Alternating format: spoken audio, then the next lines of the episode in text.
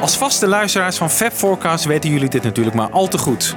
Helaas betekent dit niet dat het maken van deze podcast gratis is.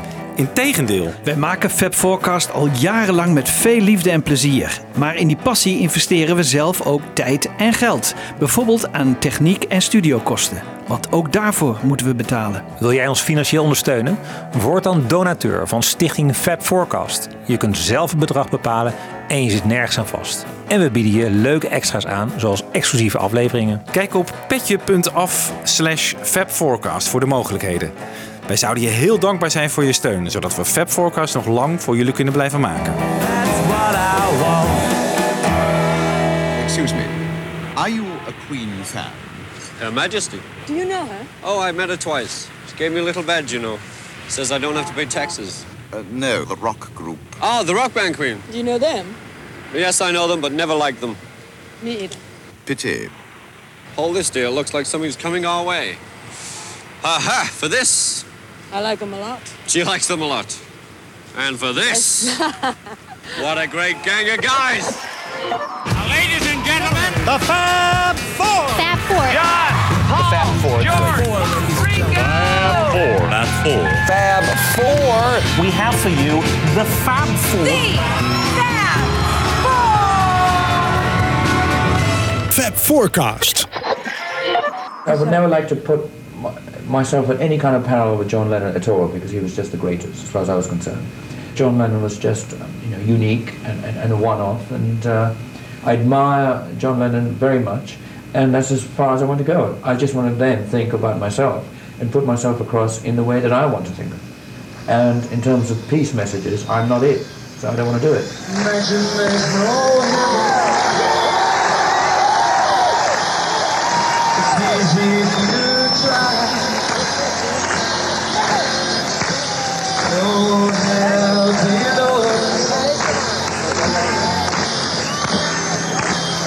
of a stormy sky. That's enough.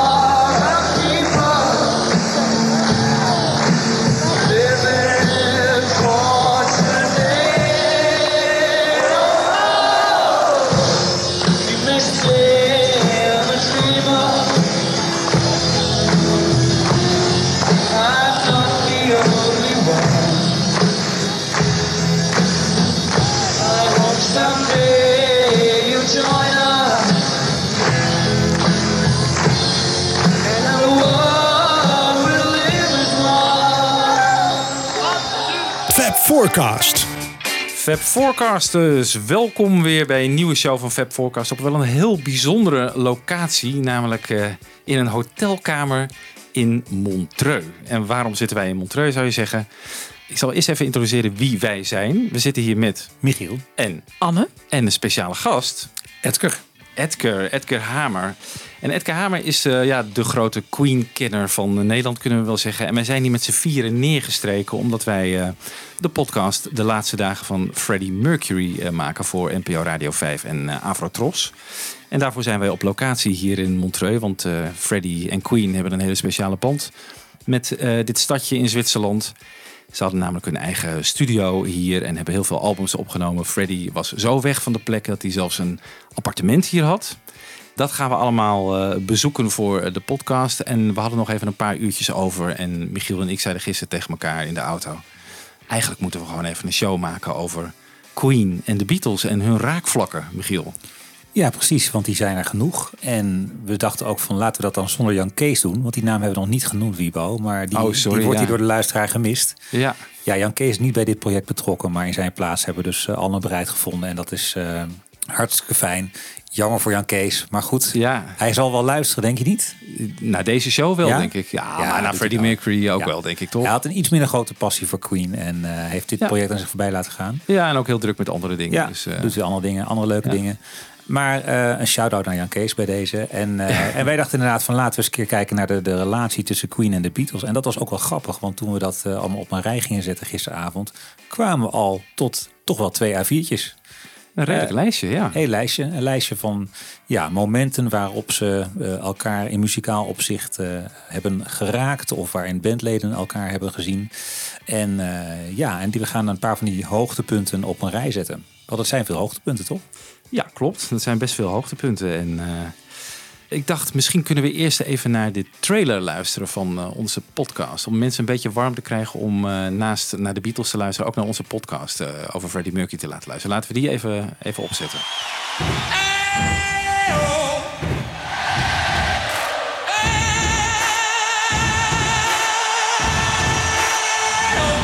Op 24 november 1991 overlijdt een van de meest iconische zangers uit de popmuziek. The popstar Freddie Mercury died last night in London. In Londen is Freddie Mercury overleden. Hij richtte in 1970 de groep Queen op. He'd shunned publicity in his private life and had become a virtual recluse in recent years.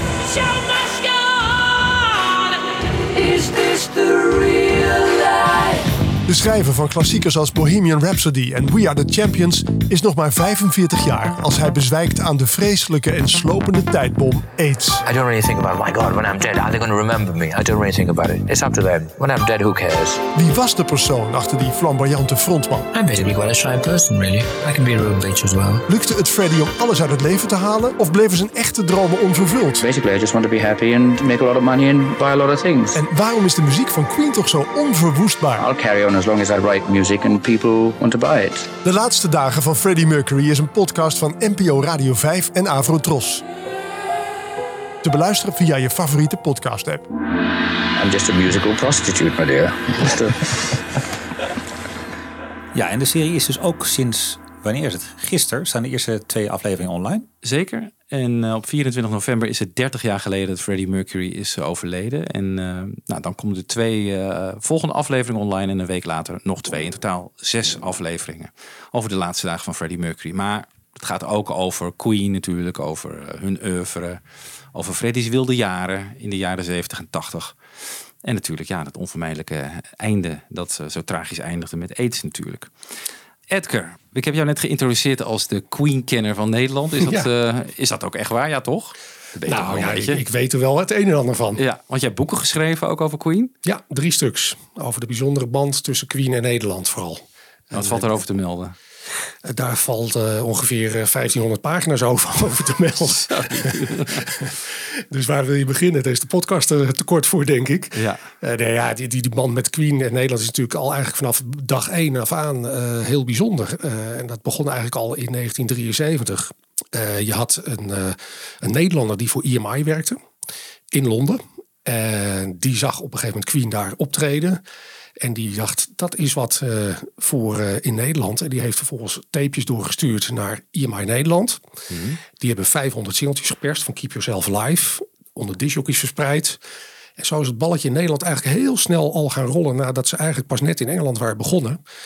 En alle luisteraars die zo'n singeltje hebben, Keep Yourself Live, wees er zuinig op. Kost ongeveer 2500 euro op dit moment. Omdat er maar zo weinig zijn. Dus het is echt een collectors item. Wauw.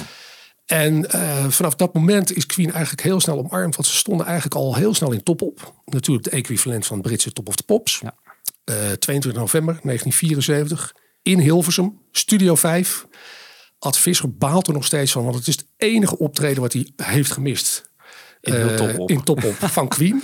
Hij heeft ze nooit gezien. En een paar maanden later traden ze al op in Nederland, in Den Haag. Niet uitverkocht, 1200 mensen maar in eh, de Prins Willem-Alexander na- eh, zaal. Nou, hoe mooi kan je het hebben? Queen Ja. in een koninklijke zaal. Oh ja, ja. En daarna, eh, vanaf 77, zijn ze heel veel in Nederland geweest. Maar was elk concert uitverkocht, uiteraard. En er zijn best heel veel raakvlakken tussen Queen en de Beatles. Ja, absoluut. Ja, wat we al zeiden, Michiel en ik hebben er gisteren een paar op papier gezet. Samen met jullie daarna tijdens het eten. En toen kwamen we eigenlijk op eh, nou, twee eh, A4'tjes ongeveer wel. En eh, nou ja, om nou te voorkomen dat we echt allemaal feitjes gaan lopen afratelen, willen we ook natuurlijk even wat eh, onze eigen eh, denkbeelden en filosofieën over Queen en de Beatles eh, erop loslaten. Maar we zijn, zoals ik zei, al in Montreux. En wat eh, schetste onze verbazing toen we hier het hotel kwamen binnenlopen, Michiel? Ja, het eerste wat ik zag was Paul Simon, maar het tweede wat ik zag was Paul McCartney, die Ja. met een foto aan de muur hing. Met eh, wat naar later bleek, was het niet de eigenaar van het hotel die hier met allerlei beroemde artiesten staat hij hier op foto's. eh, Ja. Beneden in de loge, dus ook met McCartney. Het is niet de eigenaar van het hotel, maar het is de, wat is het? De grondlegger van het jazzfestival Van het. Montreux Jazz Festival. Ja, en het was zijn privécollectie foto's die hier eh, in de lobby mochten hangen. En hij gaf hier kennelijk een feestje na het jazzfestival. ja, in zijn privé- eigen, eh, in zijn eigen eh, privévertrekken. En eh, Ja. daar zijn veel van die foto's eh, genomen. Ja, dus, dus we, we liepen al direct tegen Paul McCartney Ja. aan hier eh, Ja, in Montreux. Ze zijn ook overal, hè, die Beatles. Ja. Is het met Queen ook zo? Nee, het viel me tegen dat ik geen Freddie Mercury Nee, zag. geen Freddie in het hotel. Nee. Maar goed, dan moet ik wel weer zeggen, dat jazzfestival waar Arne het over daar heeft Queen natuurlijk weer een album naar vernoemd. Hè? Jazz, komt daar vandaan. ja. Eh, Ja. Ja. zijn veel nummers hier eigenlijk allemaal opgenomen. En Bicycle Race is weer geïnspireerd op de Tour de France die hier ooit in 1978 langs reed. Ja. Ja. Dus, eh, En ik kwam erachter trouwens dat Wings hier in Montreux in eh, juli 1972 een live optreden heeft gegeven. Op Oh. de plek, dat heet nu de Music Center eh, of Montreux, waar ook dus het jazzfestival volgens mij de centrale plek is. Maar daar hebben ze dus opgetreden in 72. Wings over Switzerland is ook wel een bekende bootleg onder de kenners. Oh ja. Even een heel klein stukje.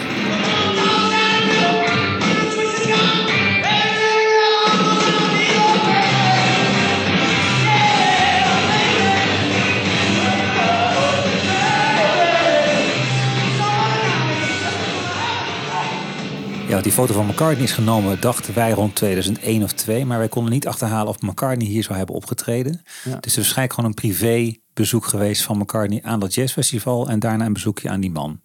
Dat Toch? denk ik. Dat is Ja. het meest waarschijnlijke. Ja. Ja. En Ringo is hier trouwens ook geweest. Hij heeft zelfs nog een live plaat uitgebracht. Eh, Live eh, in Montreux, 1992. Met de All-Stars. Met de All-Star Band. Ja. Dus, eh, nou weet je, laten we daar nu geen fragmentje van draaien. Of- Toch? Nee. We hebben gisteren ook Ringo in de auto gedraaid, zijn nieuwe EP. Ja. Ja, dat was voor één keer, denk ik ook. Even genoeg. Even genoeg. Heel erg leuk. Ja. Thank you. And. And you at the back. Peace and love, brothers up there. En nog één klein Beatle-linkje voordat we in Queen duiken. Sean Lennon, de zoon van John en Yoko, die is op een gegeven moment naar een kostschool gegaan. In de jaren 80, toen hij een jaar of eh, elf was. Dus dat is dan denk ik 1986 geweest. En dat was hier vlakbij, namelijk op 40 minuten rijden op het Instituut Le Rosy. Een soort oud kasteel was daar. En het schijnt dus dat ehm, David Bowie eh, toen de tijd opnames maakte in Genève in de studio. En dat hij zich eh, ontfermde over, over John. Dus af en toe eens even met hem naar eh, musea ging. En eh John was ook bij de opnames van, eh, van Bowie's album. Dus dat is ook wel een grappig linkje. Maar het had toch ook allemaal fiscale redenen, neem ik aan. Ik bedoel, waarom strijken bands neer in Zwitserland? Vanwege, vanwege de fiscale reden. ja, Ja. dat is toch allemaal duidelijk. Ja, dat gold ook voor Bowie. En het eh, prachtige weer en uitzicht. Ja. Nou, en voor Queen was het ook een soort toevluchtsoord, toch? Ehm, omdat ze toch door de pers in Engeland op de hielen werden gezeten. Ze konden rustiger opnemen vooral. Ja. Dat, eh, ja. Ja, en de pers was niet zo slim om het vliegtuig naar Montreux te nemen. Ook al wisten ze misschien wel dat ze hier waren. Dat zullen ze ongetwijfeld wel geweten hebben, denk ik. Maar op de een of andere manier, eh, misschien kosten de tickets te veel, ik weet het niet. Nee, Te veel dat moeite. Ze, hebben, ze in ieder geval niet voor de deur gelegen. Nee, nee. Nee, dus Goed, zo kon Queen hier tamelijk ongestoord eh, vanaf al 1978 1978. Ja, ja, albums opnemen. Ja. Ja, ja, Jazz was ook het eerste album wat hier eh, werd opgenomen. ja, en noem nog eens wat titels. Want ik weet dat Innuendo hier ook is opgenomen. Een laatste Zeker. studioalbum. Zeker, maar er zijn ook soloalbums zijn hier ook opgenomen. Van Brian May is hier opgenomen, Roger Taylor is opgenomen, Barcelona is hier opgenomen. Oh ja. Dus ja, dat zijn er best een aantal. Under Ja. Pressure natuurlijk ook. Nummer. Under Pressure met David Bowie. En dat Ja. was een samenloop van omstandigheden. hè. Bowie was hier in de buurt en dat wist Freddy. En die zei, Waarschijnlijk kom, dan, toch? ja, kom, Ja. kom een keer kijken in de studio. En dat liep uit op een vier uur durende jam eh, sessie. Met een Waar, prachtig eh, resultaat. Uiteindelijk dat Nou. het resultaat is geworden. Ja, absoluut.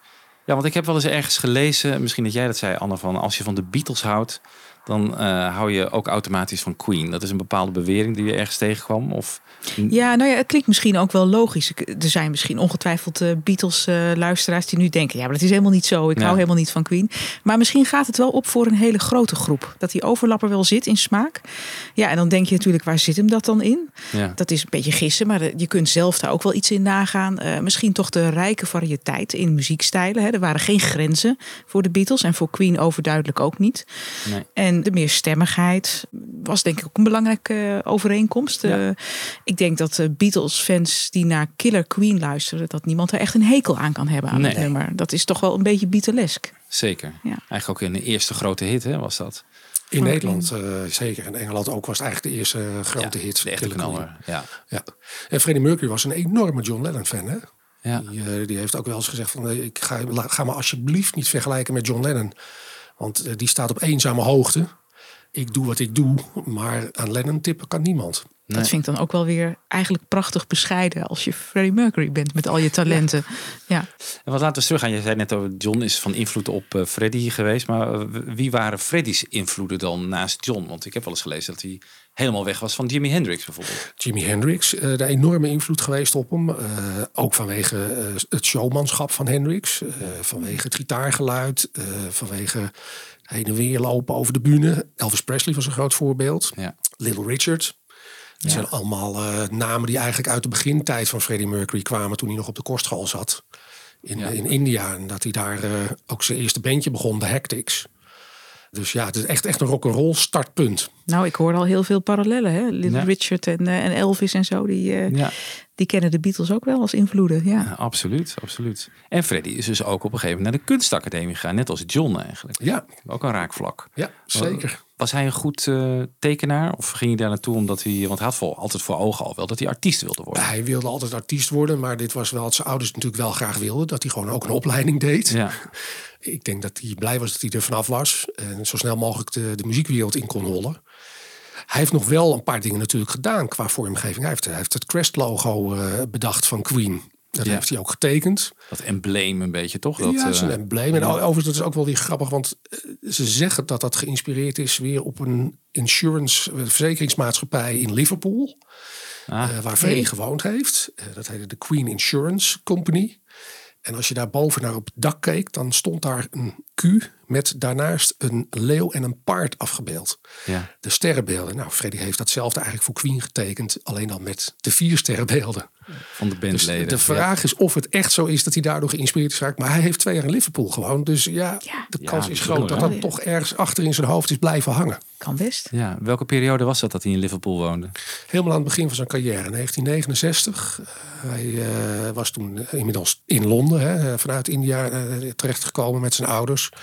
Zocht eh, naar zich naar een beentje, kwam bij Ibex terecht. Een beentje en daar eh, nou, bood hij zich aan als zanger. Alleen die zaten niet in Londen, die zaten in Liverpool. En Freddy is eh, met ze meegereisd, had geen woonruimte. Maar ja, een van de, de jongens die af en toe inviel tijdens het zangen, eh Gia Vickens, die overigens ook roadie was, die, zijn ouders hadden een pub. En boven die pub was een appartementje. En daar kon hij terecht. Maar weet, weet je ook waar het was in Liverpool? Ja, dat is heel grappig. Dat geloven jullie nooit. Jullie denken dat ik nu echt uit mijn, uit mijn nek zwam.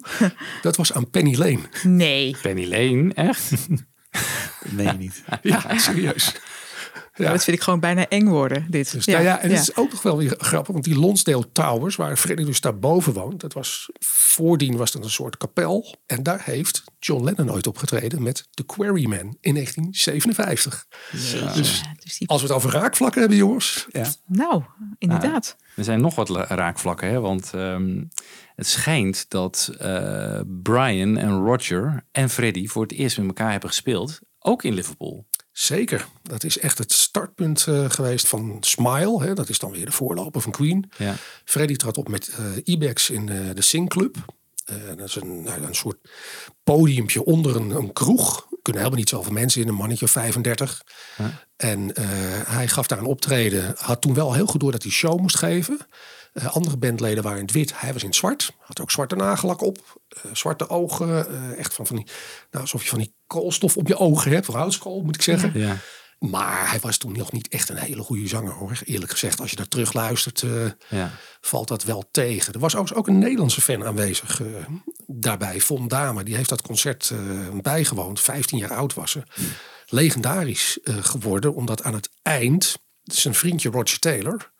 met wie Freddy eh, op de markt in Londen, Kensington Markt... een eh, kledingstalletje had gehad. Op het podium sprong samen met een gitarist. En die gitarist had allemaal krulletjes... En dan Ja. weten jullie denk ik wel wie het was. Nou, ja. Dat was ene Brian May natuurlijk Brian dan. May. Ja, dat kan Ja. niet anders.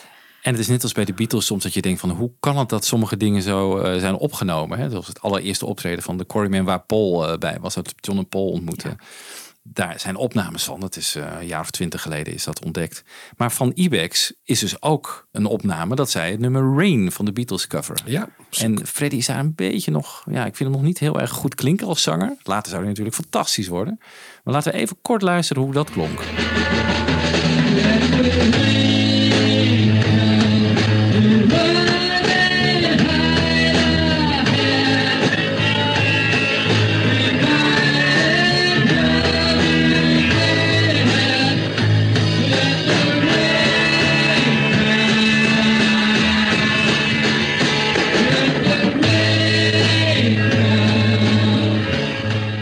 Ze nog meer eh, nummers van de Beatles dat jij weet? Eh, Imagine, die hebben we net natuurlijk aan het begin eh, van de uitzending gehoord. Eh, die hebben ze gecoverd. Ja. Eh, gespeeld eigenlijk vlak na het overlijden van John Lennon. Ja. Maar dan heeft het over Queen. Hè? Dus, eh, en die Queen. vroege dagen Ja. is het Rain eigenlijk het enige Dus, nummer. ja, ja, ja, daarnaast was het vooral The Cream, Led Zeppelin, Jimi Want, wat, want wat is het voor collectief dat Ibex? Is een beetje een soort ja, rock blues collectief? Zo? Ja, wat wat ja. spelen ze? Ja. Ja, rock blues. Vooral eh, ja, eigenlijk de covers. Het, Ja. het is een bandje wat echt net begint en zich optrekt aan de nummers van de grote artiesten van die tijd. Ja. En gold het ook voor Smile? Eh, Zeg maar de, de... Nee, Smile had wel degelijk al een, een, eh, eigen signatuur. En Smile bestond op dat moment nog niet met Freddy. Nou, Freddy wilde daar heel graag bij. Eh, maar Smile bestond uit Roger Taylor, Brian May en Tim Staffel. Ja. En die maakten eigen nummers. Die schreven ook eigen nummers. En dat is natuurlijk wel een stuk anders dan Ibex, wat eigenlijk ja, een soort coverbandje was. Ja. Dus ik zit even, want we hebben het al over het eerste optreden in Liverpool gehad. Hè. Daar is dan drie kwart van het latere Queen, behalve de bassist John Deacon, staat er op het podium. Ja, Dat is een- eenmalig. eenmalig, ja. En die Tim Steffels eigenlijk een soort hindernis voor de opkomst van Freddie Mercury. Zou dat zo kunnen zeggen? Hij wil graag in die band, maar die Tim Steffels is eigenlijk gewoon te goed. Zeker is dat zo. Ja, kijk, Freddy die heeft twee jaar in Liverpool gezeten. Dus die komt in 1971 eh, terug in, eh, in Londen. En die weet van Roger, omdat het een vriendje van hem is, dat hij inmiddels in Smile speelt. En die woont daar optredens bij. Hij gaat kijken hoe ze dat doen. En denkt eigenlijk van ja, ik wil eigenlijk wel op die plek staan. Maar daar staat die Tim Steffel. Ja. En eerlijk gezegd is die vocaal een stuk sterker dan Freddy. Dat komt ook omdat eh, Tim al met Brian May weer in een band had gezeten daarvoor. In de band 1984. Dus die Ervaren heeft- zanger dus eigenlijk. Ja, die heeft echt al vlieguren gemaakt. Ja, ja. Hè, Die, die, die treedt al sinds 64 op. Uiteindelijk lukt het Freddy dan toch om bij Queen te komen. Maar simpelweg om het feit omdat Tim Steffel een andere kant op wil. Ja. Die, die, die raakt muzikaal in oneenigheid met Brian May en eh, Roger Taylor. Ja. Wat, waar zit dat dan in? Eh, Brian May wil meer de rockkant op of zo? En, en, en wat, wat? Tim wilde meer de jazzkant uit. Oh. Jazz, en eh, Brian is niet zo van de jazz, denk ik. Nee. Die is meer van de blues en de rock. Dus artistieke oneenigheid zorgt ervoor dat Tim Steffel de band verlaat. Eh, Freddie komt erbij en dan heb je dus al de core van Queen. Dan zoeken ze nog een bassist. Dan zoeken ze nog een bassist. En dat wordt uiteindelijk John Deacon. Uiteindelijk, maar daar voorafgaand heb je er nog drie. Ja. Dus, eh, Net als als de, Beatles, met de drummers Nou, ik hadden. Ja, zeggen, we ja. dachten hetzelfde. Ja. Er Ja. ging ook drummer naar drummer. eh, Ja. ja. Ja. Ja, Ja. Ja. Nou, we hadden het net even over de invloed van de Beatles en met name John Lennon op Freddie Mercury. Maar Brian May heeft zich ook altijd heel erg lovend over eh, de Beatles uitgelaten. hè. Hij noemt de Beatles eigenlijk eh, de bijbel eh, van alles. Nu kwam ik eh, in de research voor de podcast van Freddie Mercury eh, twee quotejes tegen van Brian. Waarin hij eh, ja, een award krijgt eh, uitgereikt voor Bohemian Rhapsody. De meest succesvolle single in de Engelse hitparade. Ik heb die quotejes even losgeknipt. Dus dan kun je even horen hoe Brian May lovend over de Beatles praat. You beat the Beatles, you beat Imagine. Pretty good going. I don't think we really beat the Beatles. I don't think anyone beats the Beatles, to be honest. I mean, Yeah, we're yeah. total realists, you know, and we love them more than anyone. The Beatles were our Bible, has to be said in, in a lot of ways. Although we were able to take some things further than the Beatles because we had better technology and we had the benefit of their experience. But the Beatles just did so many things right.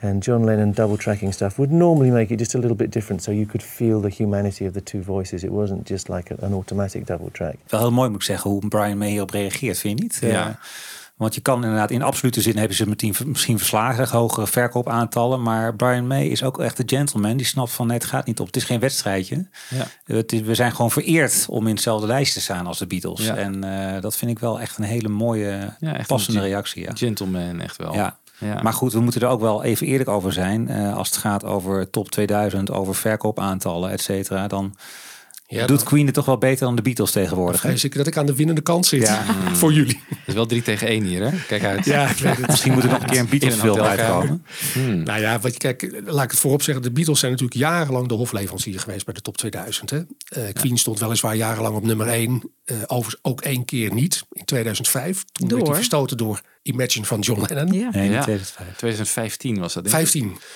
aanslagen van Bataclan. Ja. Maar ze- Queen is sinds twee jaar hofleverancier. En was in 2019 het gat één liedje. Inmiddels is het vier liedjes Ja. in Ze 2020 lopen uit. geworden. Dus Ja. ik ben erg benieuwd wat ze eind dit jaar doen. ja, maar het is natuurlijk ook de invloed van eh, de film Bohemian Rhapsody geweest. hè? Absoluut. Ja. 100 procent. Dat, heeft- dat zie je ook echt. De film kwam in november uit, 2018. Toen had je nog niet eh, de grote bezoekersaantallen. Dus eh, die zijn echt pas in 2019 eh, gegenereerd. En dat betekent in eind 2019 in de top 2000... nou, ja, 37 Queen liedjes in de top 2000. Iedereen was weer helemaal vol van die muziek. Mensen vulden dat weer op hun lijstjes in. En, eh, Ja. Ja. en daar kwam Queen, de Beatles voorbij. Ja. Ja, En het is bij Queen vooral de greatest hits, toch? Die, het, eh, die over de planken blijft, Ja. over de toonbank blijft gaan. hè? ja, ja zeker. Ja.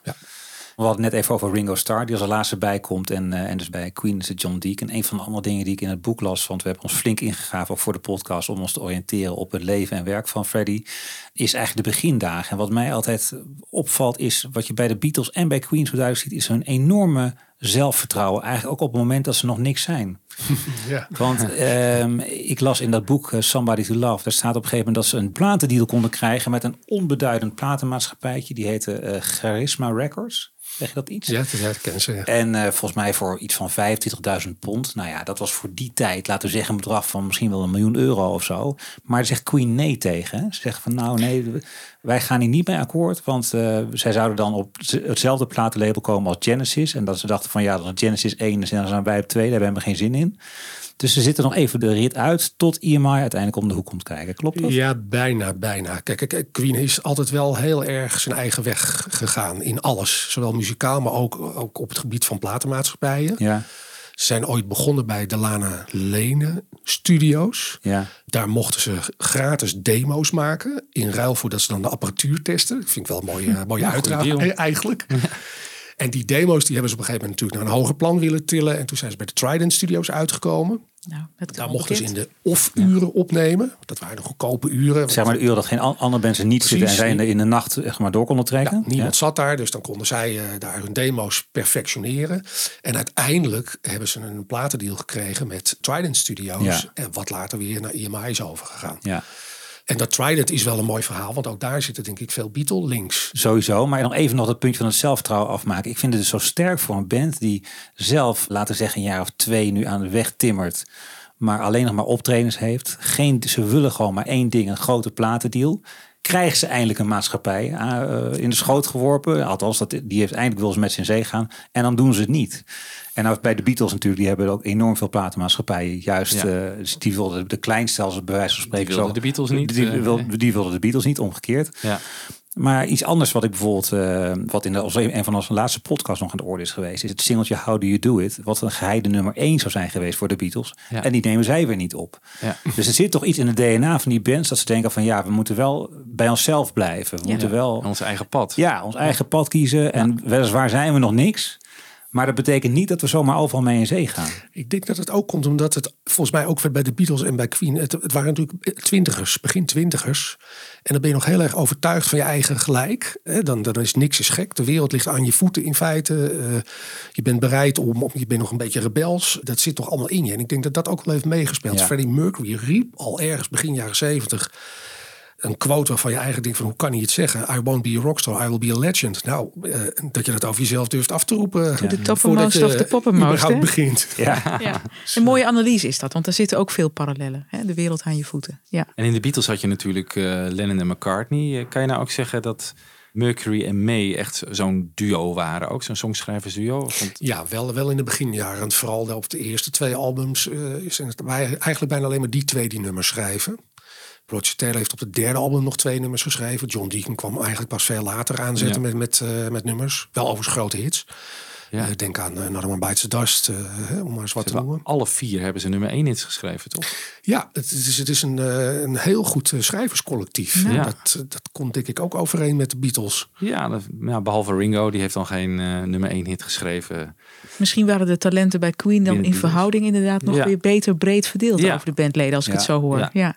Maar zeker met eh, George Harrison erbij natuurlijk waren er wel drie Ja. songschrijvers. En meerdere bandleden hebben allemaal ook een nummer één hit op hun naam. eh, Qua vocalen dan Ringo met Yellow Submarine. En de andere drie met hun eigen composities. Dus er is ook weer een parallel. Ja, zeker. Grappig. Nou ja, we hadden het even over Roger Taylor. Die, die, die heeft het nummer eh, Sheer Heart Attack geschreven. Het was geschreven voor het gelijknamige album, Sheer Heart Attack. Is daar niet opgekomen, is pas later op eh, een latere plaat gekomen, News of the World. Maar in dat Sheer Heart Attack nummer verwijst hij ook eigenlijk naar de Beatles. Naar het nummer I Saw Her Standing There. Oké. Eh, en hij zingt dan You are just 17 and all you want is to disappear. Nou, en hoe het bij de Beatles is, dat kunnen jullie beter vertellen dan ik. Well, she was just 17. You know what I You mean? know what I mean. Ja. Kijk. Wat grappig, ja. Well, you're just 17. All you wanna do is disappear. Know what I mean? There's a lot of space between our ears.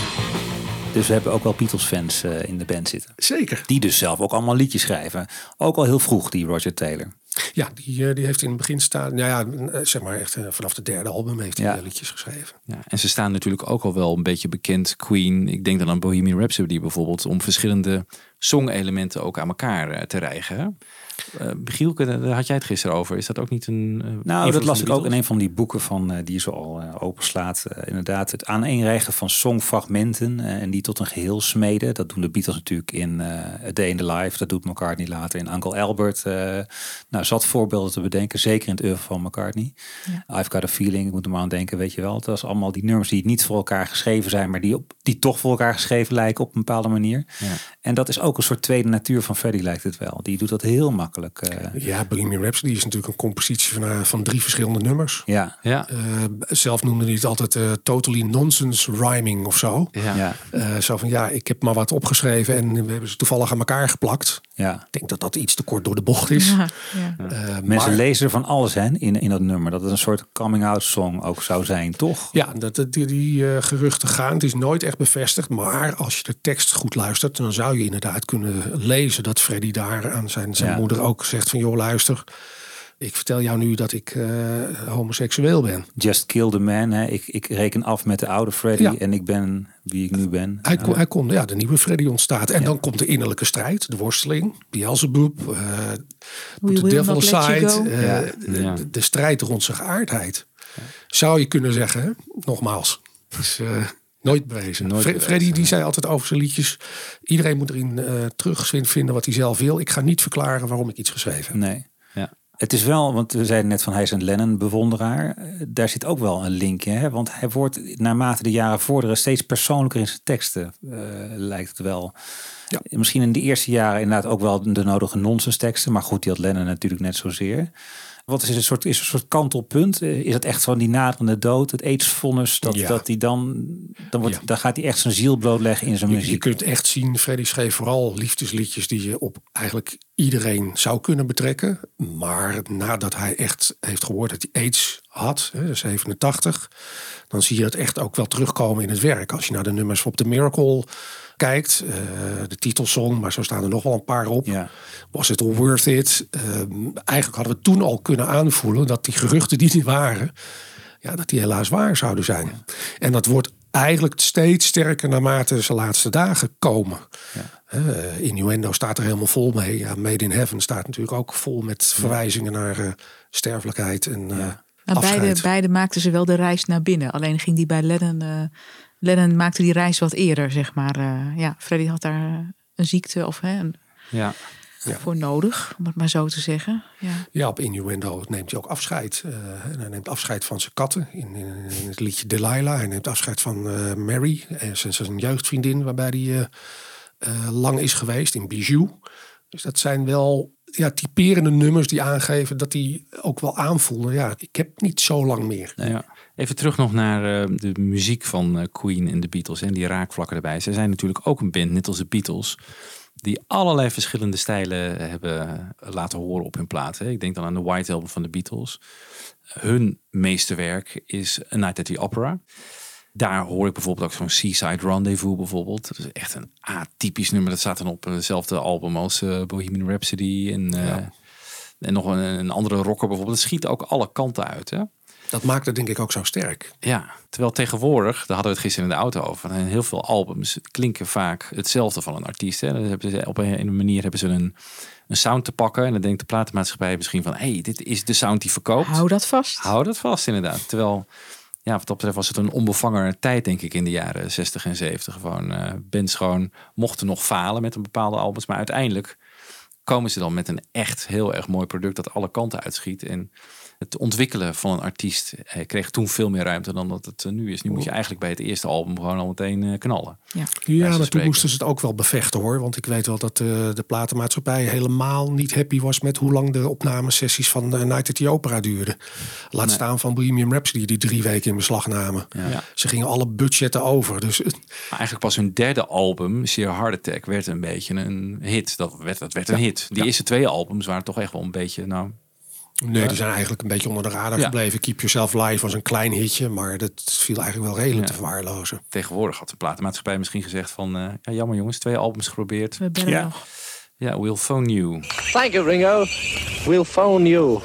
En zit, zou dat ook in de BBC, eh, de invloed van de BBC zitten? Want dat hoor je bij de Beatles heel vaak. Hè. Ze luisteren naar de radio, daar komt van alles voorbij. Daar komt ook die vaudeville kant voorbij.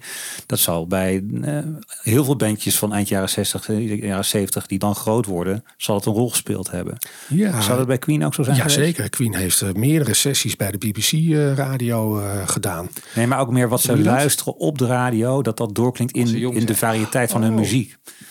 Want dat hoor je bij de Beatles heel vaak. Van McCartney zegt van die musical kant of music hall kant, hè, die heb ik ook van de radio. Omdat op de radio gewoon van alles werd gedraaid. Ja, Ja, dat zou heel goed kunnen. Zouden Ja. Engelse bands en artiesten dat ook meer hebben? Omdat daar meer op de BBC eh, gedraaid werd. De Amerikaanse hadden natuurlijk allemaal Ja. commerciële radiostations. Het waren echt thematische radiostations. Dus Het zou als je best van, kunnen eh, dat dat minder gevarieerd is, toch? Ja. Ja. ja. Als je van rockabilly hield, dan eh, zette je rockabilly en rock, eh, rock and roll eh, station op. Ja. En ja, je kwam veel minder in contact met, eh, met verschillende stijlen. En ook hele aparte invloeden, hè, inderdaad. Ja. eh, Zoals eh, de Goon Show of Ja. allerlei gekkigheid. eh, ja. Ja. Ja. Jongens, laten we even naar een stukje zang luisteren. Meer stemmigheid van de Beatles eerst en daarna Queen.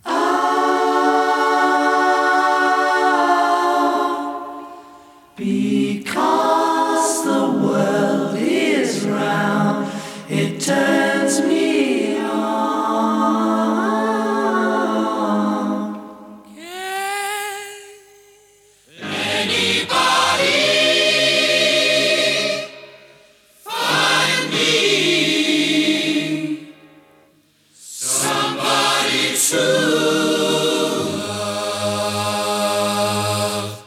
dit lijkt toch wel een beetje op elkaar qua hè, de meerstemmigheid. Een hele hoge stem. Dat was Roger Taylor, geloof ik, hè, in Queen. Roger is altijd de hoge stem eh, bij Queen. En van een groot belang. Want op het moment, eh, zeker live, dat Freddie de noten niet haalde... dan zorgde Roger dat hij zijn backup was. Ja. Eh, hij is echt de, de achtervang van Freddie eh, tijdens de live shows. ja. En bij de Beatles was het McCartney, die hoge stem. Dus je hebt eigenlijk drie hele goede vocalisten in die band. Ja, Want John Deacon zingt niet echt mee, hè? Nee, John Deacon is eigenlijk... Nee, ook op Bohemian Rhapsody zit hij niet in de koortjes. Eh, nee, laat John maar op de bas spelen. Ja. dat, eh, dat gaat een stuk En beter. laat Ringo maar drummen, zeggen we dan. hè? Ja, zeggen wij dan vaak, ja. Ja, want Brian May is natuurlijk op zich een prima zanger, maar het- geen Roger Taylor. De Roger Taylor is wel een betere zanger dan Brian May, vind ik zelf. Of uh, Mm, dat vind ik ik daar... niet. Nee? eens, Bibo? Nee? Nee, nee, nee. Ik vind hem wel zo'n mooie, heese rockstem Ja, ik, hebben. heb ook, ja, ik ben het wel met Wiebo, Wiebo eens. Maar vertel even, eh, Edgar, wat... eh, En Anne, vertel even waarom jullie het oneens zijn. Op, op het gevaar of dat ik de hele Queen-gemeenschap over me heen krijg. Maar Luister die naar een Beatles-podcast? Nou ja, dat zou, je, zou, Zou zomaar kunnen. kunnen. Als jij erin zit wel, ik hoop, ik hoop dat de Ja. Beatles-fans ook naar een Queen-podcast gaan luisteren zometeen. Dus. Nee, ik, ik ik vind Roger heeft wel een mooie stem. Maar ik heb ook een, in zekere mate op een gegeven moment een soort eh, irritatie aan het feit dat het zo hoog blijft. Ehm, ik, ik vind het wat monotonerig op een gegeven moment. En dat heeft Brian een stuk minder. Ja, hij, zit zingt- lager. ja, hij zingt in een prettiger, eh, vind ik voor, voor mij ook register. Hmm.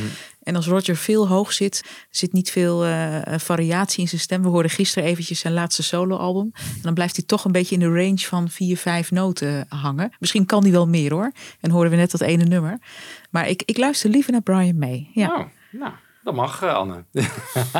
Maar we draaiden dit, we draaiden deze, Ja. dit Because en eh, daarna de vocalen in Somebody to Love, om ook een ander punt te maken, namelijk gewoon het gebruik van vocalen eh, in de studio. Hè? Zeker, het stapelen. Ja, stapelen van fragmenten, van koortjes, eh, wat je in Because natuurlijk al heel duidelijk hoort, maar waar Queen, ja, die gaan eigenlijk nog een stap verder daarmee. Eh, en dat vind ik wel heel interessant. De Beatles moeten Pepper nog opnemen op een vier-track recorder. En dat is wel heel anders dan een, een ja- jaar of zes later als Queen eh, de eerste albums gaat maken. Dan zitten we al aan de 16 en 32 sporen. Hè? Ja, techniek gaat razendsnel. Ja, ja. En zelfs dat was nog niet genoeg, want ze, ze moesten zoveel sporen gebruiken dat ze dat dan weer opnieuw over elkaar heen gooien. Dat op een gegeven moment die sporen Ja. ja. Ja, een soort doorzichtig werden, hè, Ja. begreep ik. Ja, van Bohemian Rhapsody. Maar het is niet alleen dat, het stapelen van koortjes, maar ook koortjes die op elkaar inspelen en tegen elkaar afzetten. En het is een veel meer een heel complex geheel worden, die vocalen in die Queen-nummers van allemaal Ja, op. dat hoor je ook wel helemaal in Bohemian Rhapsody, waarbij de koortjes tegen elkaar inzingen. Ik, ik Ja. noem dat soms Ja. wel een soort rechtbank in hel. Eh, Ja. Weet je, ze gaan tegen elkaar tekeer. Eh er is ineens spreekt een enorme dynamiek ook uit, juist omdat ze tegen elkaar in eh, gaan. Ja. En dat moet enorm veel moeite hebben gekost in de studio. Want wat ze dus eigenlijk doen, is ze nemen een, bijvoorbeeld in één bepaalde track, een zanglijn op. En die nemen ze dan alle drie op in drie toepasselijke toonhoogtes. Hè? Ja. Dus dan heb je er eigenlijk gewoon negen met de drie man. En dat gaan ze dan dubbelen en verdriedubbelen. En zo kom je aan een koor van 81 man sterk, bij wijze van spreken. Ja. Ja, het geld Dus voor het koor was er niet. In Nee. Bohemian Rhapsody hoor je al 180 stemmen, geloof Ja. ik, in die koortjes. Ja. Echt bizar. Dus dat geeft wel een soort van. Ja, natuurlijk zouden de Beatles, als die bij elkaar zijn gebleven, die zouden niet als Queen hebben geklonken. Maar het geeft wel een soort van indruk van: oké, dit kan een band met, eh, Hmm. die de studio ook als instrument wil gebruiken. Dat gaan ze gewoon doen in de, in de jaren zeventig. Ja, maar de Beatles ja. begonnen geen Queen verder. Zo kun je het ook zeggen. Hè? Precies, Ja. op, op het moment dat de Beatles stopten, en corrigeer maar, dat was ergens 1970 uit mijn hoofd. Mhm. Eh, Ja. Dat was natuurlijk eigenlijk ongeveer het startpunt van Queen. Eh, en die hebben natuurlijk die, dat stukje techniek daardoor meegekregen. Ja, want wanneer komt een eerste album uit? Queen 1? 1973. Oké, dus al drie jaar later. Dus ze hebben drie jaar eigenlijk zitten sappelen en zonder plaatcontract. Dat is best bijzonder, best lang. Ja, nou vanaf 1971, dus eigenlijk twee jaar. En dan zit Ja. je nog in de studio ervoor. En ze hadden natuurlijk nog die, die opnames, eh, die demo-opnames. Ja. En ze hebben het er relatief twee snel achter elkaar uitgebracht. hè. Eén en twee hebben, eh, zijn snel achter elkaar gevolgd. En zo komen we toch weer terug bij Trident, want daar had je het net even over. En daar is ook een bijzonder verhaal mee, hè? Want, Ja, nou ja, dat heet, de, de Trident heeft, daar hebben ze natuurlijk de eerste twee platen sowieso helemaal opgenomen. De derde plaat, Sheer Heart Attack, is in vier studio's opgenomen, maar ook een stukje in Trident. En daar in die studio's in Trident stond de piano. En op die piano zijn heel veel geweldige nummers opgenomen. Eh Your Song van Elton John, om maar eens wat te noemen. Ook de Beatles hebben Ja. daar eh, een Hey nummer Jude opgenomen. is daar opgenomen. Ja. ja. Ja. En Killer Queen van Queen ook. En Seven Seas of Rye. En het mooie van die piano is, eh, heb ik begrepen, dat het was een soort een beetje een stroeve piano op de een of andere manier. Maar je moest vrij hard op de toetsen slaan. En dat zal ongetwijfeld ook wel in het spel hebben gezeten van Freddie Mercury. En ik weet niet. En McCartney. McCartney ook, ja. Hameren, Ja. die hamerde Ja, die ook wel behoorlijk hoor. Zeker. Ja, nou dat, en dat hameren, dat hoor je terug. Die harde aanslag Ja. die ze nodig hebben om, eh, nou ja, om, om, Ja. om de klanken eruit te krijgen. Zullen we eens luisteren of we de piano herkennen? Eens even een stukje Hey Jude, daarna Seven Seas of Rye.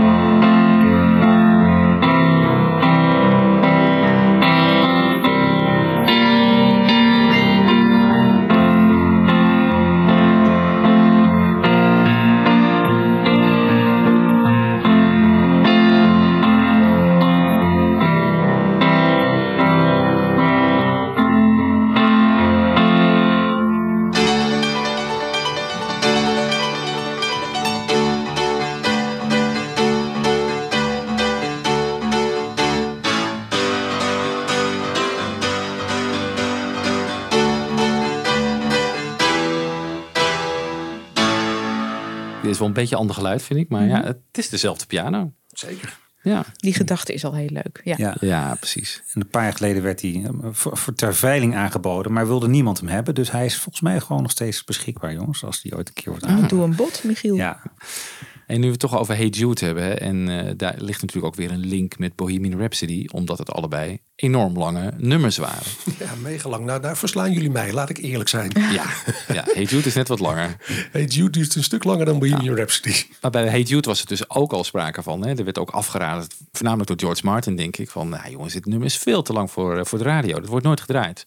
Maar toen zeiden de Beatles natuurlijk, ja, die stonden ook al op het toppunt van hun eh, roem. Die zeiden, ja, wel als wij het zijn, hè, dan draaien ze het wel. En natuurlijk hadden ze gelijk. Maar dat was bij Bohemian Rhapsody is dat natuurlijk ook het geval geweest. Hè? Werd ook afgeraden. Exact hetzelfde verhaal. Eh, Ja. de, lied duurt 5 minuten 55. Was not done. De platenmaatschappij wilde absoluut niet dat het als single werd uitgebracht. Dat moest My Best Friend worden. Maar dat was Queen helemaal niet van plan. En Mercury heeft toen gewoon een list verzonnen. Die is naar een vriendje gegaan eh, bij een radiostation, DJ Kenny Everett, die die kende. Kenny Everett kennen wij ook in het Beatles verhaal. Oh, nou. Ja, vaak de Beatles geïnterviewd en een vriend van, eh, van John. En Kenny die heeft eh, Bohemian Rhapsody eh, gedraaid. En ik weet niet of het waar is, maar volgens zijn zeggen werd hij vervolgens overstelpt door luisteraars om het nog een paar keer te draaien. En hij heeft toen mega vaak Ja, 14 keer heb ik gelezen, dat ja, nummer opgezet. ik weet niet of die luisteraars dat allemaal gevraagd hebben, maar dat maakt ook helemaal niet meer uit. Het is Nou. voor het verhaal mooi en het resultaat is er. Want Ik geloof het wel. gewoon een single. Ik geloof het wel, want het was natuurlijk zo'n bijzonder nummer. Ik Ja. kan me best voorstellen dat je de telefoon pakt en naar je radiostation belt. Wat is dit? Ja, ja, ja, ja laten, laten we het hopen. Maar je zei, hij heeft een list uitgehaald. Was niet ook de list dat hij op het singeltje zelf de tijd liet zetten dat het juist onder de vier minuten was? Dat het iets van 3,5 minuut duurde? dat Zodat de, de, de, DJ's dachten van, oké, dit is zo, dat heb je niet gehoord? Oké, ik dacht nee, dat ik het ergens nee, gelezen nee. had. Maar En- als jij het en- niet kent, dan... dan Was wel een goede truc ja, geweest. ja, Ja, voor ja, mij- ja, en- ja. en, eh, ja, het singeltje wat ik heb, er staat gewoon 5 minuten 55 op. Oké, en is dat een heel oud singeltje? Eerste dat is een oud singeltje. Oké, oké. Ja, Nou, misschien dat jij de Japanse persing ja, bedoelt. precies. Dat is heel bijzonders. Queen hield wel van dat soort trucjes. Hè? Want eh, Ja. Live Aid bijvoorbeeld, iedereen heeft ze natuurlijk daar gezien. De reden waarom Queen daar zo uitsprong was natuurlijk door de performance. Het feit Ja. dat ze als enige van alle artiesten een knallende medley in elkaar hadden gezet. Ja. Waardoor ze ineens allemaal hoogtepunten hadden. en dat deden de andere artiesten niet. Maar ook het trucje om het schuifje van het geluid ietsje omhoog te zetten. Waardoor ze net even harder door de speakers klonken dan alle andere artiesten. Ja, Dus ja, ze hielden wel van dat soort eh, grappen en grollen. ja. Maar er is dan een edit gemaakt zelfs. Van Hey Jude waarschijnlijk ook wel. Maar zeker ook van Bohemian Rhapsody. Waarin het hardrock gedeelte uit is gedraten. En ze dachten Ja. van nou misschien En het opera gedeelte ook het trouwens. open gedeelte Ja, dat ook. kun je toch niet Ja, doen? Dan kan je dus gewoon eh mishandeling hè. Muziekmishandeling. Het is, eh, kijk, voor de radio moest het. eh, ze deden het overigens bij live optredens ook. Hè? Daar deden ze het begin van Bohemian Rhapsody. Maar op het moment dat het opera gedeelte kwam, gingen ze van Knalde. het podium af. En Ja. eh, werd dat eh, gespeeld vanaf een tape. En bij het hardrock gedeelte kwamen ze er weer op. Ze er weer in. Ja. Ja. Eh, maar dat had, was meer vanwege technische redenen dat het niet te doen was om daar met 180 man, bij wijze van spreken, al, Nee. al die harmonieën te doen. Ja, maar ik vind dan toch nog even, als we nog even Hey Jude en Bohemian Rhapsody als lange nummers vergelijken, vind ik wel dat Queen alle credits verdient. Omdat Bohemian Rhapsody echt een nummer is met een kop en een staart en een heel verhaal ertussenin. En dat die lengte van Hey Jude zit hem toch in die eindeloze herhalingen. Ja. Dus vind ik het dan toch ook weer heel verschillende lange nummers. Ja. Nou, laat ik het dan opnemen voor Hey Jude. Want juist de herhaling vind ik ook heel krachtig. Omdat je daardoor erin wordt meegesleept. Je blijft in een soort trance raken. Ja, Ja. ja. En dat vind ik ook mooi. Dat je namelijk mee kunt gaan in een nummer. En nou, eigenlijk met je ogen dicht. Ik zie dat helemaal voor me. eh, blind gaan voor, Ja. voor, voor zo'n song. En dat, ja. En dat werkt bij live, En dat moet live concerten ook, hè, bij ja, McCartney. en dat hè? moet je ook Ja. durven, hè?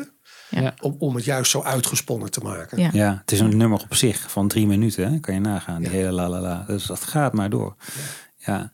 En het is ook een nummer wat volgens mij in, in oudere versies van de top 2000 ook wel eens op één stond. eh het Hate Jude. Dus het is... eh, ja, Niet van de top 2000, maar ik denk misschien van de nou, top, laten we top of, 1000 of, van of laten we zeggen inderdaad. Ja. In, in het begin jaren 70 had je ook dat soort lijstjes. Ja. Toen kwam Hey Jude vaak op één. Ja, dus en het dat is, la la la, dat geeft ook aan dat je daarmee een soort interactie met je publiek vraagt. Ja. Hè, Want het, het publiek dat gaat daar, kan daarin meegaan. En dat is wel iets wat ook weer heel erg bij Queen past. ja. Ja. Die willen ook altijd het publiek erbij betrekken. En het is universeel. Dus je kunt in Ja. Brazilië en waar dan ook meezingen. iedereen Ja, kan het meezingen. Ja. Ja, je had het net al even over Live Aid, want we komen nu eigenlijk een beetje in de solo-periode waar we ook wat raakvlakken zagen. De eerste keer dat ik ze een beetje de paden voel kruisen is dan op het eh, Concert for Kampuchea uit 1979. Hè. Dat is een, eh, een benefietconcert voor eh, Cambodja geweest. Dat McCartney dus organiseerde samen met Koert Waldheim. En daar stond Queen ook op de bühne. Die heeft daar een volledig concert gegeven. Ik heb de setlist nog even bekeken, maar dat, waren gewoon, dat is gewoon een volledig concert. Ja. En eh, heb je daarover gehoord hoe ze daar eh, over voor benaderd zijn? Of is daar weinig over bekend? Nee, nee, nee daar, daar weet ik eerlijk gezegd niet precies hoe dat in elkaar steekt. Maar ik weet wel dat Queen eh, wel vaak probeerde om mee te doen met dat soort optredens. Hè. Ze hebben ook met, later hebben ze bij het Nelson Mandela concert meegedaan. Live Aid hebben ze meegedaan. Ja. Dus ze zijn wel degelijk wat, wat dat betreft geëngageerd geweest. Misschien iets minder in hun liedjes. ik weet niet hoe dat bij de Beatles zit. Nou, vooral Lennon natuurlijk. Hè? Die is wel echt geëngageerd uh, geweest. Bij, bij, Queen is dat denk ik toch wel iets minder geweest. Daar heeft Brian May eigenlijk de meeste geëngageerde liedjes geschreven. Fredo was bijna alleen maar van de liefdesliedjes. Behalve dan dat liedje Is This The World Recreated, wat op Live Aid werd gezongen. En wat daar ja, naadloos in paste. Ja. ja. Uh, maar niet daarvoor geschreven was. En dat vergeten mensen heel vaak. Het was namelijk al geschreven. Hey, als we het over dat soort live optredens hebben. Als ik even de stelling neerzet. De Beatles zijn een, een, waren een, een goede live band. Maar worden later echt een uitstekende albumband. Terwijl Queen is echt bij uitstek een, een live band die ook een paar aardige albums heeft gemaakt. Als ik dat zo neerzet, wat, hoe reageer je daar dan op? Ja, dat paar aardige, daar dat zou ik dan een flink aantal van maken. Vind ik ook hoor. maar ze, staan niet, ze zijn niet bekend als een albumband. Maar voor de rest klopt je redenering zeker. Nee, ja, Queen is, daar draait alles om show. Ja. The bigger the better, zei Freddie Mercury ook altijd. En dat gold in alles. Dat gold uh, voor de, de lichtshows. Hè. De, de, ze moest op een gegeven moment de Ahoy verlaten in Nederland, omdat het plafond kon het gewicht van, van de lampen niet meer aan. Nee. En moesten uitwijken naar de Groenoordhallen. Maar ook de shows, het werd buitennissig met, met kostuums. Kijk ook naar de clips. Ja. Zijn, zijn de uitvinder van, van de live rockband als, als grote stadion act? Kan je dat zo zeggen?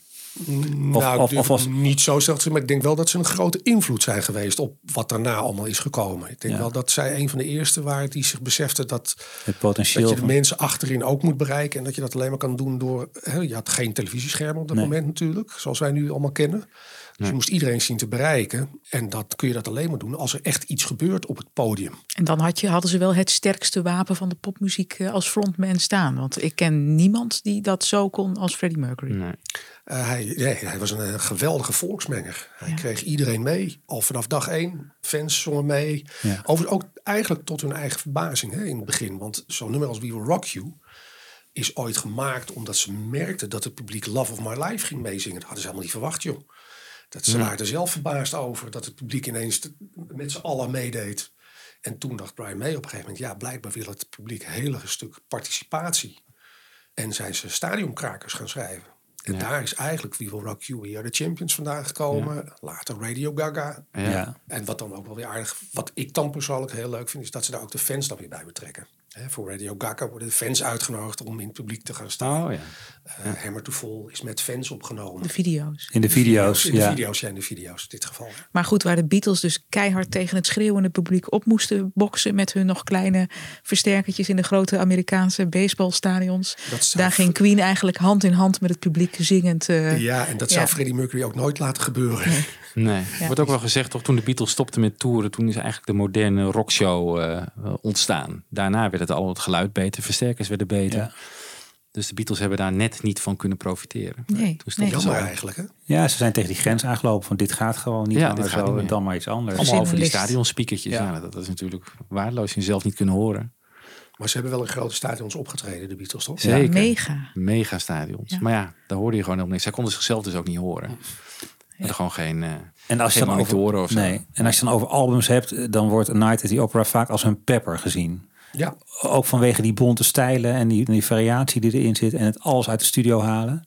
Is Ja. dat het vooral? Ja, dat denk ik wel. En ook omdat het natuurlijk ja, voor allebei de bands wel het iconische album is. Als, Ja. Tenminste in mijn ogen. Ik weet niet hoe dat voor Beatles fans is, maar Is het ook niet dat het allebei best wel pretentieuze albums zijn? Sgt. Pepper natuurlijk ook, hè? Want hoe ver kan je eigenlijk gaan? En, eh, Ja, maar ja, dat heeft ook weer met leeftijd te maken. Ik kan niet spreken voor de Beatles. Ik weet niet hoe oud ze toen precies waren. Maar kijk, als je jong bent, dan wil je nog alles bewijzen. En dan Ja. eh, ben je wars van eh, eventuele verplichtingen die je opgelegd krijgt. Hè. Je wil laten zien dat je alles kan Ja. Maar de Beatles konden doen het wil. maken. Die waren natuurlijk toen al de populairste band van de wereld. En Queen, dat hadden we net ook al gezegd, die staan eigenlijk op een soort eh, keerpunt van dit is een make or break album. En dan met zo'n album komen, dat het toch best wel uh, pretentieus is, dat het best wel Echt nog was van, was van enige conventie. Ja. Weet je, Ja, we doen vrij. het gewoon. Wij, wij willen dit. Ja. En het mag even wat tijd en geld kosten. Zoals dat dan eh, bij de Beatles ook eh, gebeurde. Bij Pepper. Ja. Ja, Nou, en daar geldt misschien ook wel van de, want Pepper kost natuurlijk ook heel veel geld voor EMI, eh, wat best ongebruikelijk was voor die tijd. Maar goed, ze had in ieder geval het voorbeeld gehad in de Beatles, die hebben dat al een keer gedaan. En nu willen wij. Dus, en je weet wat voor moois eruit kan komen, toch? En Eh, het zou zomaar kunnen zijn dat ze heel erg geïnspireerd zijn geweest Ja. door Sgt. Pepper. Ja. Dat is nog wel grappig trouwens. Vanochtend kwam ik een eh, artikel tegen via Google. eh, Vond ik dat, dat eh, Queen een stukje Mull of Kintyre heeft gespeeld ooit. In Nee. 1979. Ja, dat was het laatste wat ik. eh, In Liverpool weer. In Liverpool. Nou, het wordt steeds ja, gekker. Ja, ja, ja, de Queen trad op in Liverpool, volgens mij december eh, 79. En Freddy haalde dat aan op het podium van jongens, ja, Wings, hè, want daar ging het toen over. Die, Ja. die, die, die hebben hier net voor ons gestaan en eh, ze waren een beetje aan het dollen. En toen zette Brian May blijkbaar de eerste tonen van Mull of Kintyre eh, in. En waarop Freddy zei, en dat ben ik Linda McCartney. Tuurlijk. Maar het nummer is niet helemaal gespeeld. Het, is echt, het was echt een soort, nou ja, gegebbetje op het, op het podium. Gebbetje. Leuk. En dan komen we natuurlijk, ja, ik had het net over 79, over 80. Dan wordt John Lennon natuurlijk vermoord. En Queen maakt een heel mooi tribute nummer voor John. Dat had nogal impact eh, natuurlijk op iedereen, maar met name op Freddie ook. En Roger Ja, Taylor geloof ik. Die waren echt helemaal ondersteboven van de moord. Ja, Freddy was echt in shock, eh, Ja. zoals hij later ook zei. En, en dat tribute-nummer, dat, dat is wel wat later geschreven. Het is uiteindelijk verschenen op het Hot Space album in 1982. Ja. Life is Real, Song for Lennon. Ja, mooi. En als je goed luistert, dan merk je ook wel dat daar heel veel Beatles-invloeden in zitten. Hè? Als je naar de piano luistert, kun je daar eventueel Jealous, eh, jealous? Jealous Guy? Jealous Guy. Jealous Guy eruit halen. Die zocht ik, dankjewel. Eh, maar ook een stukje Imagine zit erin. Er zitten een paar regels songtekst in. Die zijn enigszins bizar te noemen. Ik begreep dat Yoko Ono ook soms bizarre teksten in de eh, liedjes had. Ja, maar Lennon zelf ook Er staat er niks van bij. Dus eh, het, het lijkt, laat ik het anders formuleren, het lijkt een beetje alsof hij heel goed heeft gekeken naar hoe Lennon zijn liedjes heeft gemaakt. Ja. En hem, om hem te eren, een zo goed mogelijke versie wilde maken dan wel zijn eigen bewoording. Ja. ja. Als een echt een eerbetoon. ja. Nou, dan moeten we er ook even naar luisteren. Stains on my pillow. Blood on my terraces. Tossers in my closet. Shadows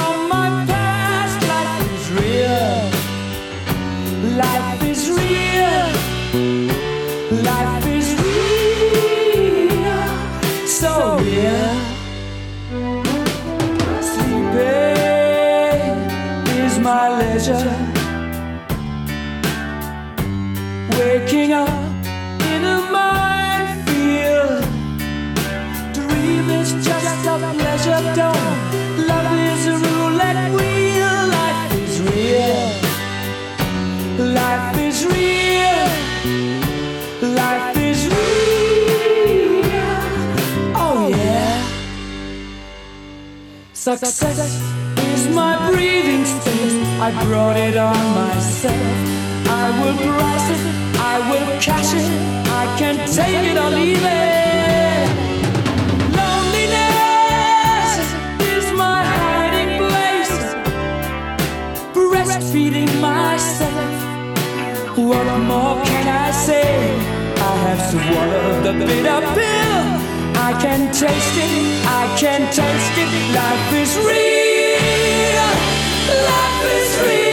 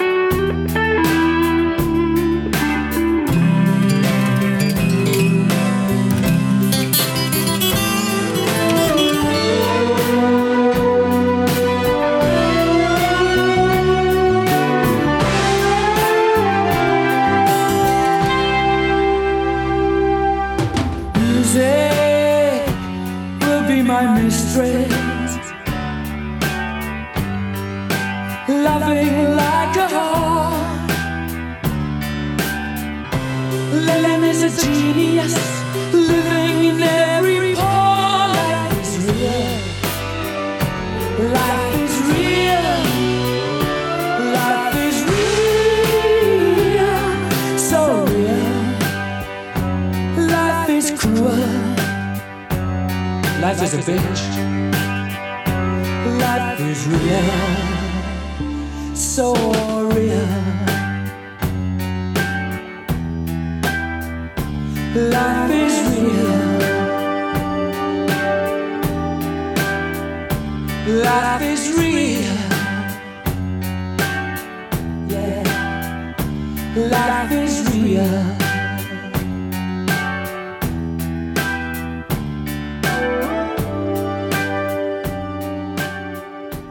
John Lennon en Freddie Mercury. Eigenlijk kwam ik gisteravond tijdens het eten, zei ik dat eh, eigenlijk is New York City heel belangrijk voor hen allebei geweest. Hè. Ze hebben er ook allebei nummers over eh, geschreven en gezongen. John Lennon natuurlijk met het nummer New York City. New York City.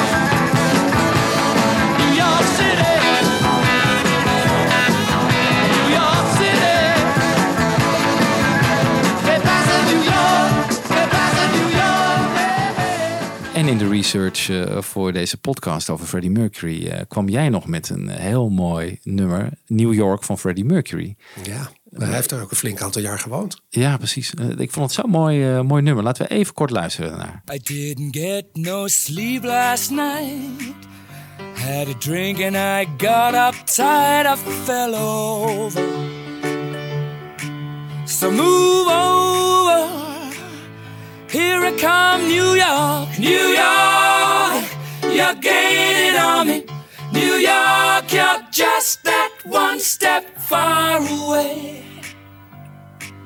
But I'm here to stay. You can't catch me, New York. Heeft hij dit zelf geschreven? Ja. Nooit uitgebracht, toch? Nee, niet officieel uitgebracht. Ja, ze- dit, je moet het zien als een soort riedeltje. Hè?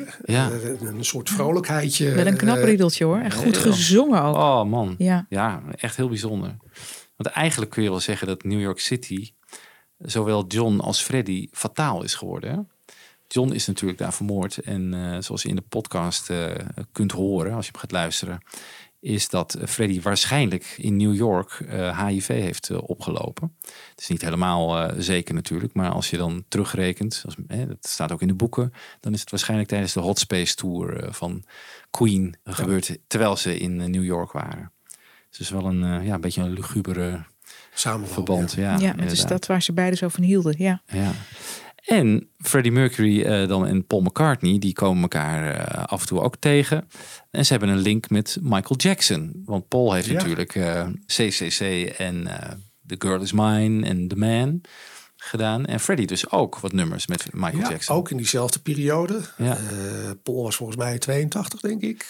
83 was het? 83, oh nou ja. Freddy heeft ook nummers met Michael opgenomen in 83. Ja, Eh, 82 was The Girl Is Mine trouwens al, dus dat klopt wel. 283. Op ja. zijn range in eh, Encino. Ah, ja. eh, is Freddy geweest. Hebben ze drie nummers opgenomen. Onder andere Victory. Dat is uiteindelijk nooit wat geworden. Want dat heeft Michael met zijn broers nog een keer opgenomen. Voor een later album. State of Shock. Dat kennen wij beter in de versie van Mick Jagger. Ja. En There Must Be More Than Life Than This heeft hij daar opgenomen met Michael. En daar hoor je wel duidelijk Michael erbij zitten. En Freddy heeft dat nummer uiteindelijk op een soloalbum eh gebruikt, maar zonder Michael. Ja. Eh, het nummer is pas later gereleased. Echt, eh, nou, 2014 geloof ik pas. Hij heeft jarenlang in de kluizen gelegen. En eh, ja, Freddy had het niet zo eh, op die, op die eh, opnamesessies. Want ik kan me nog herinneren dat hij op een gegeven moment Jim Beach belde. En eh, zei van haal me hier alsjeblieft weg uit deze opnamestudio. Ik sta naast een lama. Werd hij in zijn nek gespuugd of zo? Had hij toen een la, want later had hij een chimpansee geloof ik, toch? Bubbles. Ja, Michael was wel... eh, was van de dieren. Je zou toch zeggen dat Freddy, Freddy was niets te gek hè, in hoe je moest leven, dat je helemaal jezelf moest kunnen zijn. Maar dit, ging, eh, dit vond hij toch ook wel een beetje vreemd. Ja, maar ik denk dat Freddy ook wel... eh, natuurlijk, had een enorme... eh, Een blik op de Bijzondere wereld. levensstijl. Ja. Eh, maar als hij aan het werk was, was hij ook wel bloedserieus. Ja, nou inderdaad. Want als, we, we hebben natuurlijk ook veel documentaires over Queen gekeken. Hoe gedreven hij was in de studio ook. eh. Hmm. Maar dat zijn Lennon en McCartney natuurlijk ook geweest. Ja, als je over gedrevenheid hebt. Nou, zeer. Zeker McCartney ook. Maar we even over dat Michael Jackson doorgaan. Hè? Want ik vind het wel frappant. Je hebt eigenlijk allemaal artiesten in de jaren tachtig... die heel graag kennelijk met, eh, met Michael Jackson... natuurlijk gewoon die met Thriller de grootste artiest... eh, de meest verkopende artiest van dat moment is. Daar wil ze graag mee samenwerken. Dus dan heb je eh, McCartney, die zingt met Jackson, eh, Queen ook. Dat komt alleen niet uit. Dan zou je verwachten, er komt ook een moment dat Freddie en McCartney samen gaan werken. Nou, dat krijgen want daar gaan we zo meteen nog over hebben over Live Aid. Maar in de nasleep van Live Aid eh, bedacht ik me nog, want Jan Kees had dat een keer genoemd, is er het nummer Once Upon a Long Ago dat McCartney schreef als potentieel duet met Freddie. ja. ja, dat kan ik me herinneren inderdaad. Ja. En eh, daar is het niet van gekomen. Ik lees hier eh, even een bron op het net die zegt van ja, hij zou het hebben opgenomen op eh, ergens in 11 en 12 maart 1987. En toen was eigenlijk Freddie al te verzwakt om, eh, nou niet te verzwakt, maar, Nee, maar- hij Maar wel met andere dingen bezig Hij is gewoon, hij kiest zijn projecten, laat ik het zo zeggen. Ja. Hij- hij- hij, Want in april 87 krijgt hij dus definitief te horen dat hij aids heeft. ja, Ja, maart 87 was Freddy bezig met Montserrat Caballé. Die werkte toen echt al, eh, dat was de eerste ontmoeting ongeveer in die Ja. periode. Dus hij had echt al Andere voor- projecten. voor ogen dat hij een, een, een ander solo-album Ja. zou maken. ja. Maar eh, die, die paden kruisen elkaar, zeg Ja. maar. Het, lo- het loopt, uit- dit loopt op niks uit, maar het is wel interessant om te zien Heel dat die artiesten allemaal naar elkaar kijken van... hé, hey, waar zitten de goede samenwerkingen tussen ons? Freddie always had a good voice. That's that's always been the anchor of that group, I think. And Brian's good guitar player as well. You know, they've they've had musical skill. I think you can tell, you know, when a band's got musical skill. But I think, as I say, um, the first thing you heard with Queen was Freddie's voice, and it's the same as it was then. It's a very strong voice, a very distinctive voice. And you recognize that this guy knows what he's doing. Okay, there's a lot of show, there's a lot of camp, uh, you know, which which wouldn't uh, I, I wouldn't be too interested in, you know. But uh, there's a market. King Mercury. Opmerkelijk is dan weer dat ze allebei, zowel McCartney als Queen, niet zijn uitgenodigd voor de Do They Know It's Christmas eh, single hè, voor, van Band Aid. Ja. En dat, dat zet ook wat kwaad bloed. Bij Queen zeker ook. Hè? Die, die- Ja, die baalde daar behoorlijk van. Wat ik begrepen heb, is dat, het, dat de agenda's gewoon niet naast elkaar konden worden gelegd. dat is de verklaring van Bob uh, Geldof. Of, uh... Ja, en dat is ook de verklaring die Freddy ooit heeft uitgelaten ah, ja. gaan. Ja, wat de waarheid is, weet ik niet. Maar ze baalden er vreselijk van, kan ik je vertellen. En zo komt eigenlijk een beetje de uitnodiging voor Live Aid. Van, nou ja, dan gaan we daar zeker wel aan meedoen. Misschien als goedmakertje ook wel, toch? Ja, kan je dat, dat zo zien? Nou, ik denk, nou, dat, ik denk, dat, ik denk dat Geldof ja. heel blij was dat ze op Live Aid stonden. Ja.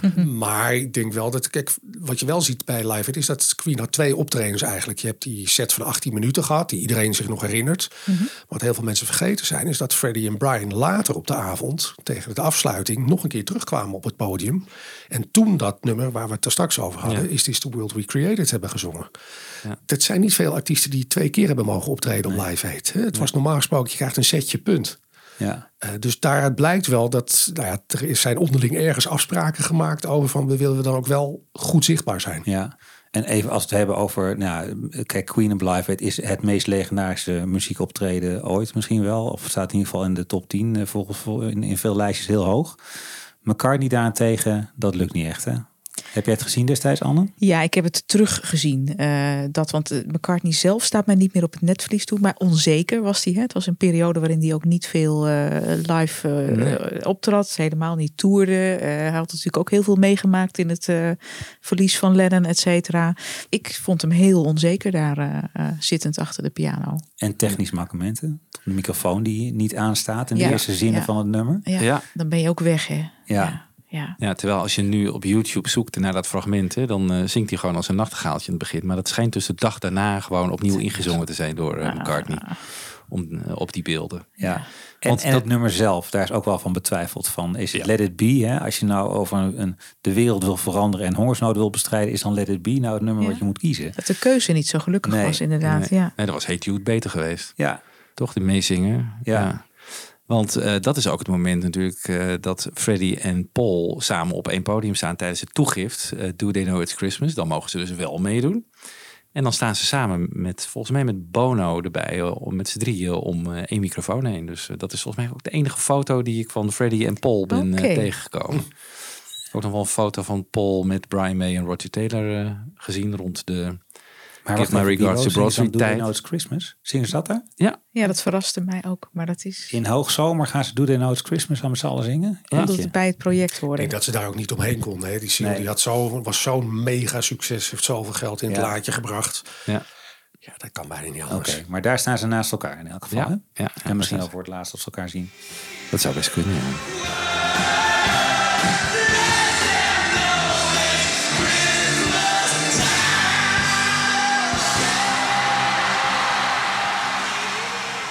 Want Freddie overlijdt dan in 1991, hè, en op 24 november. Een paar jaar later, in 1995, komt eh, het postume album Made in Heaven uit. Ja. Hè, daar kun je even kort uitleggen wat, eh, wat daarmee gedaan is. Eigenlijk lijkt het heel erg op wat de Beatles met Free as a Bird en Real Love hebben gedaan. Nou ja, Freddie heeft toen hij ziek werd eh, tegen Brian May gezegd... eh, joh, eh, schrijf zoveel als je kan eh, en ik schrijf zoveel als ik kan... en eh, laat me zoveel mogelijk inzingen. En hij nam ook van alle takes drie takes op... zodat ze altijd de beste uit konden kiezen. Omdat zijn stem natuurlijk verschillende krachtniveaus op dat moment zat... omdat hij heel erg verzwakt al was. En uiteindelijk zijn al die tracks zijn, eh, door Brian May en Roger Taylor eh, bewerkt tot een compleet album. En ja, sommige nummers heeft Freddie helemaal kunnen zingen. Andere, zoals Mother Love, zijn, zijn echt zijn laatste huzarenstukje. Daar heeft hij de eerste twee coupletten eh, van gedaan. Eh, het laatste couplet, daar zei hij van ja, dit trek ik eh, fysiek niet meer. Nee. Dus ik kon nog wel een keer terug, maar er was geen terugkomst. Nee. Dan Ja, horen we dat- Brian May, hè? die zingt dat af, geloof ik. Hè? Brian, dat laatste ja, couplet. ja. Maar het is feit is dus wel dat rond zo'n stem die er dan is, hè, zoals net als bij Free as a Bird, het toch Ja. weer een heel arrangement wordt gebouwd. Waarbij je bij Freddie natuurlijk wel een hoger kwalitatief, ze hadden een hoger kwalitatief uitgangspunt dan de Beatles, want die moesten het doen met oude demo-tracks van Lennon. En dat hoor je ook wel. Ja, maar die twee platen, en eh, die werd door de pers ook al aangegrepen van eh, de Battle of the Bands with Dead Singers. Hè? Ja, werd het zo genoemd, ja? Ja. Oké. Made in Heaven was volgens mij, was dat een single ook of niet? Zeker. Ja? Oké. Ja, Free as a Bird eh, stond eh, op Anthology 1, maar is ook als single uitgebracht. Maar ik kan me niet herinneren dat die twee met elkaar battleden in de single charts. Maar correct me if I'm wrong. En dan hebben we in 2002 het Jubilee concert van eh, Queen Elizabeth. Die dan Her Majesty, die zit al lang op de troon, hè? ja, 50 jaar Ja. dan. Hè? Ja. En dan opent Brian May eh, het hele spektakel door op het dak van Buckingham Palace te gaan staan en daar het Engelse volkslied op zijn gitaar te spelen. Hij speelt God Save the Queen. Wat Queen eigenlijk altijd al gebruikte aan het eind van hun concerten. Dat Ja. is altijd het laatste nummer geweest. Ja. En dat speelde hij vanaf het dak. Ja, maar bijzonder. Eh, ik zou bij Het het dak. had, had een soort Hans Klok eh, sfeertje. Want de, de wind kwam onder die lange sleepjas van Brian May. En Oh, door ja. die haren heen. Ja, ja. En die gitaar. Het, ja, dat was wel een prachtig moment, moet Ja. ik zeggen. En dan stond McCartney stond daar op la die, op la da te zingen, hè? Nou, Onder geloof andere, ik toch? niet. Dat is hier later. Dat is volgens mij de, als hij 60 jaar op de troon zit. Dat hij dat dan speelt. Obladi, Al die jubilea, ja. Ja joh. Nee, hij opent daar met Her Majesty en hij heeft dan net zijn haar geverfd volgens mij. Het is echt Oh. onnatuurlijk zwart. eh. En helemaal aan het eind staan ze samen nog op het podium. Hè. En dan staat Brian May ook op het podium met McCartney en al Ja. andere artiesten. There's nothing you can know that isn't known. There's nothing you can see that isn't shown. Be isn't where you want to be. It's easy. Oh yeah. It's easy. Ja, Queen en eh, de Beatles is best wel veel eh, raakvlakken zijn we achtergekomen. Nou. En eh, ja, we hadden het al even over eh, de, dat ze hofleverancier zijn natuurlijk van de top 2000. En daarbij de Beatles eh, hebben ingehaald. We gaan jullie nog wel terugpakken. Graag. Doen wij het het jaar daarna weer. Ja, want denk jij dat er over 50 jaar nog steeds zo over Queen en over de Beatles wordt gesproken als wat we nu doen? Wordt het legendarische, Nou, je? dat mag ik hopen. Kijk, het klinkt altijd een beetje dubbel, maar het feit dat en John Lennon en Freddie Mercury op jonge leeftijd eh, de band zijn ontvallen, ja, dat heeft er ook eigenlijk wel een beetje voor gezorgd dat die bands onsterfelijk Hmm. zijn geworden. Ja, want Queen is Eh, populairder dan bij leven eigenlijk. Queen is populair, mm, nou, in ieder geval weer heel populair. Maar Ja. het, het voordeel is dat je, je maakt geen verval mee. Dus ik weet niet hoe Freddie zijn stem nu zou hebben geklonken 30 jaar later. Hè, hij rookte op dat moment veel, hij dronk veel, vodka. Die stem was echt wel aan eh, corrosie onderhevig. Dus de vraag is of dat 30 jaar later nog wel goed zou klinken. Aan de andere kant, ik ben ook naar een concert van Paul McCartney geweest. En zelfs als zijn stem iets minder klinkt dan in de jaren 60, 70, blijft het altijd nog Paul McCartney. Ja. Dus hoe mooi is dat? Ik denk zeker dat ze over 50 jaar er nog over praten. Het zijn de nieuwe klassieke componisten Ja. van de, van de wereld. Ja, daar vallen beide bands eh, onder, zeker, onder die Ja. noemer. Ja. Voordat we eruit gaan, eh, kwam er nog één bizar feitje tegen wat jij laatst appte, Anne. Kun je dat nog Oh, ja. even vertellen? Ja, bij, tijdens de research voor het Freddie Mercury podcast project kwamen we ook eh, bij de laatste verjaardag die Freddie dan viert hè, op 5 september 1991. En Freddie hield eh, van hele exclusieve verjaardagstaarten. Ja. En want wat liet hij? Hij liet elk jaar iets maken. Hè? Wat, wat Het- had hij voor zijn liefst laatste? Zo, zo buitennissig mogelijk. Dus hij heeft een verjaardagstaart gehad met een complete Rolls Royce erop. Nou ja, met, van, ik denk marsepein. Ja, dat vond hij heel leuk. Hè, dat dat vond soort. hij geweldig. Ja, En- ja. en ja, nu had hij ook weer iets speciaals. Ja, want hij had zijn laatste appartement dat hij hier in Montreux had gekocht. Dat had hij laten maken in een taart. En wie kreeg de opdracht om die taart te maken? We kunnen er bijna een quizvraag van Ja. maken. Maar het was Jane Asher. Jane de eerste Asher. vriendin van McCartney. Nou, dat is dan toch eh, een fantastische uitsmijter. Dat dacht ik In ook, alle ja. connecties die er waren tussen Queen en, eh, en de Beatles. Hey eh, Edgar, heel erg bedankt dat je even mee wilde werken aan deze Queen Graag aflevering gedaan, van Fab Forecast. En eh, we hopen natuurlijk dat jullie allemaal gaan luisteren naar de laatste dagen van Freddie Mercury eh, vanaf eh, 17 november. Dat was bij de release is dat gisteren, dus het staat gewoon online als je nu kijkt. We hopen dat jullie allemaal gaan luisteren. En we gaan eruit met een... eh, Met een mashup. Ja, ja, daar kwam jij mee. Daar kwam ik mee. Eh, ja, het leek me allereerst aardig als dat een keer iemand een mashup maakt van Tie Your Mother Down and Your Mother Should Know. Dat lijkt me alvast heel leuk, maar die bestaat niet. Eh, in plaats daarvan hebben we nu een mashup van Come Together en ehm, ja, hoe heet dat B-kantje ook weer van eh Bicycle Race? Ah, Fat, Bottom, Girls. Ja, die twee. Nou, deze is zeer geslaagd, vond ik. En eh, daar gaan we ermee uit. Edgar, bedankt. En tot de volgende keer. Tonight? Oh,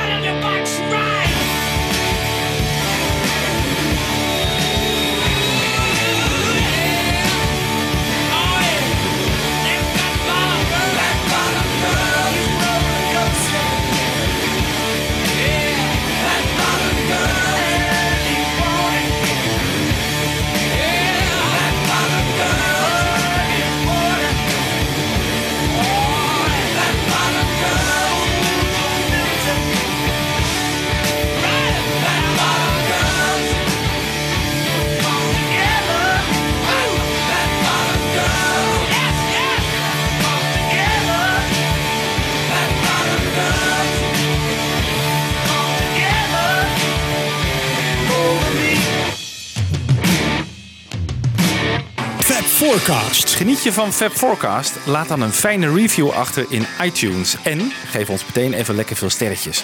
Dat helpt andere luisteraars weer om ons te vinden. Heb je vragen? Mail dan naar fabforecast.gmail.com of kijk op onze pagina's op Facebook en Twitter. En de afleveringen van Fab Forecast zijn ook te beluisteren via beatlesfanclub.nl.